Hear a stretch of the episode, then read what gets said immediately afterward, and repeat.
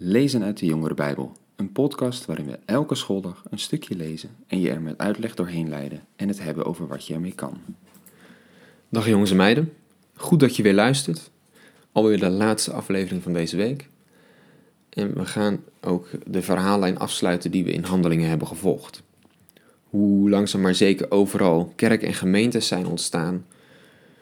Eerst door de discipelen in het land, in Jeruzalem, en later door Paulus in ook de volken daaromheen.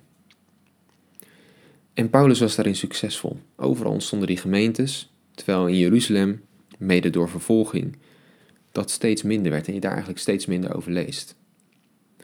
En uiteindelijk komt Paulus een keer terug naar Jeruzalem. Het was namelijk zo dat de Joden eh, jaloers werden op dat Paulus zo overal het nieuws verkondigde daarin heel succesvol was. En ook dat dus blijkbaar niet-Joden nu bij God konden horen. Dat vonden zij moeilijk te verteren, want zij waren natuurlijk altijd het volk geweest, het bijzondere volk wat God had uitgekozen. En deze Paulus, die gaat naar andere volken toe, vertelt dat, dat ze ook bij God mogen horen. En die zegt ze niet eens dat ze de wet moeten houden als ze dat willen doen. Nee, ze mogen gewoon direct bij God horen. Nou, dat was ongehoord. En als hij dan in Jeruzalem komt, dan komt het ook tot een confrontatie dus tussen die twee. Paulus die wordt bijna gelyncht daar door een grote menigte. Als hij hun inderdaad uitlegt wat hij eigenlijk doet en dat hij door God, juist geroepen was om die boodschap aan de niet-Joden te vertellen. Dat konden ze niet verdragen. Dat kon niet.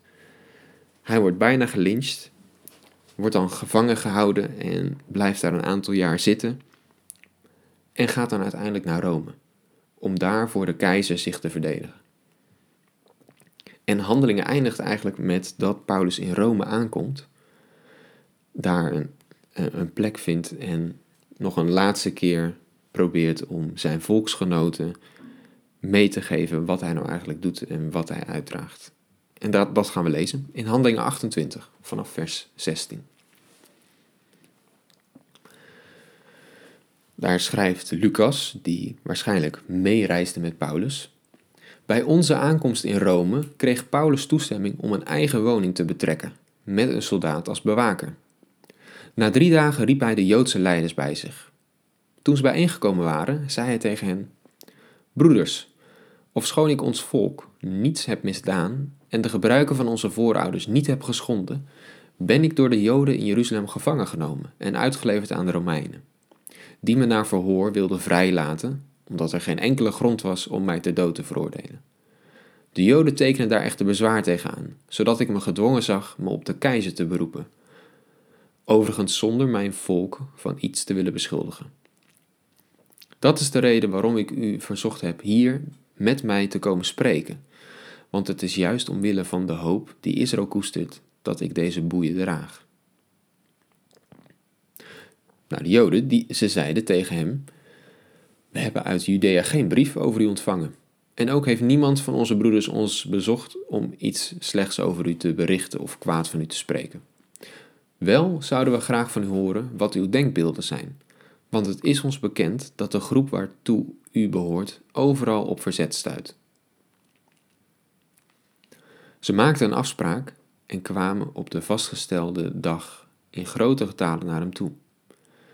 Van de ochtend tot de avond legde Paulus getuigenis af en sprak hij uitvoerig met hen over het koninkrijk van God. Terwijl hij hen op grond van de wet van Mozes en de profeten voor Jezus probeerde te winnen. Sommigen lieten zich overtuigen door zijn woorden, maar anderen niet. Ze werden niet met, het niet met elkaar eens en gingen uiteen, maar niet voordat Paulus nog een laatste woord had gesproken. Volkomen terecht heeft de Heilige Geest bij monden van de profeet Jesaja tegen uw voorouders gezegd. Ga naar dat volk en zeg, jullie zullen goed luisteren, maar niets begrijpen. En jullie zullen goed kijken, maar geen inzicht hebben. Want het hart van dit volk is afgestompt. Hun oren zijn doof en hun ogen houden zij gesloten. Met hun ogen willen zij niets zien, met hun oren niets horen en met hun hart niets begrijpen. Want anders zouden ze tot inkeer komen en zou ik hen genezen. U moet dan ook weten dat God deze boodschap van redding al aan, onze, al aan de andere volken bekendgemaakt heeft. Zij zullen wel luisteren. Paulus verbleef twee jaar in het huis dat hij gehuurd had en ontving daar iedereen die naar hem toe kwam. Hij verkondigde het koninkrijk van God en onderrichtte vrijmoedig over de Heer Jezus Christus, zonder dat hem iets in de weg werd gelegd. Ja, wat je eigenlijk naar het einde van handelingen toe ziet, is dat de Joden steeds meer afwijzend gaan reageren op die boodschap. Ook de boodschap van Paulus. Jezus die had drie jaar, drieënhalf jaar waarschijnlijk rondgelopen op aarde en had die boodschap verkondigd. En het volk wees, wees het af, wees hem af en nagelde hem aan een kruis. Vervolgens werd de boodschap opnieuw aan het volk verkondigd door de, door de discipelen. En daar was een opleving, er waren veel mensen die geloofden, maar langzaam maar zeker zag je dat naar de achtergrond verdwijnen. En aan het eind van de handelingen lezen we eigenlijk alleen nog maar dat uh, er veel tegenstanders zijn en dat opnieuw het volk de boodschap afwijst. En een aantal keer in handelingen, hier de laatste keer, zie je dat Paulus dan zegt dat het al zo moest zijn, dat de profeten het dus al hadden voorzegd dat het volk terzijde geschoven zou worden en dat nu de boodschap naar de natie zou gaan. Zij zullen wel luisteren. En dat hebben we volgens mij ook eerder al een keer, eh, toen we Romeinen 11 lazen, daar hebben we het over gehad, want daar zegt Paulus dat ook. Het was Gods plan. Hij had zelfs bedacht dat zijn volk niet, het niet kon aannemen. Hij had hun hart dichtgemaakt, hun hart vet gemaakt, hun ogen dichtgestopt, hun oren dichtgestopt. Ze konden het niet geloven. En daardoor ging de boodschap naar de andere volken toe. Dat heeft God expres gedaan. En daar is zo'n rijkdom voor ons, niet-Joden, uit voortgekomen.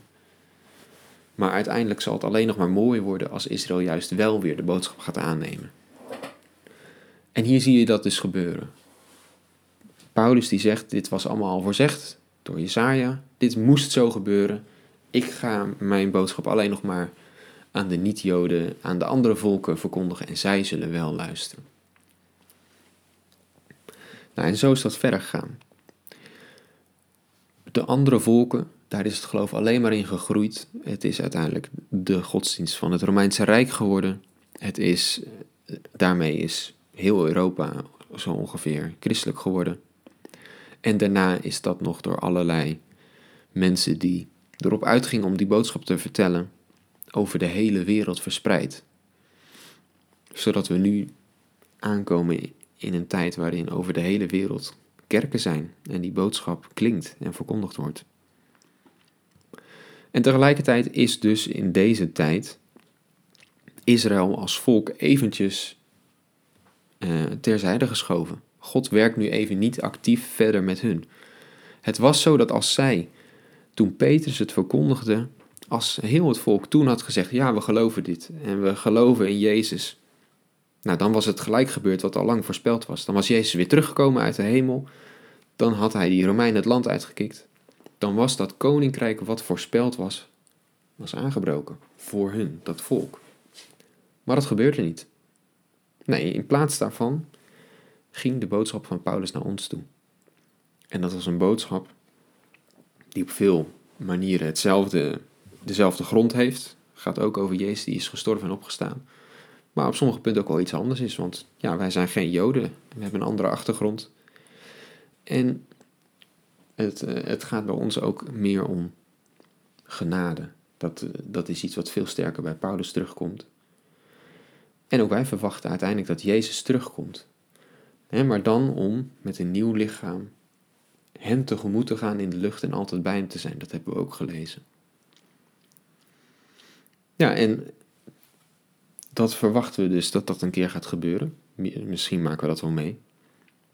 En daarna zal ook Israël weer tot geloof komen. Zal Jezus voor hen terugkomen.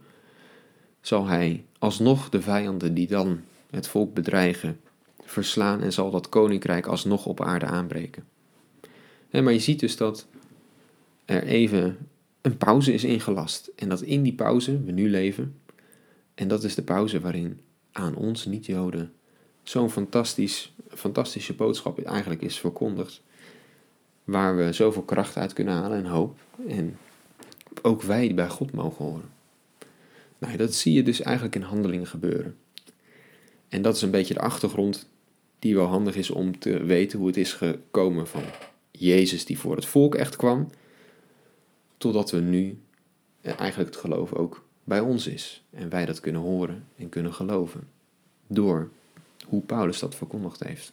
En daarom hebben we het ook zo vaak over Paulus. Nou, dus dat wilde ik jullie deze week meegeven. Volgende week gaan we weer verder. Tot dan.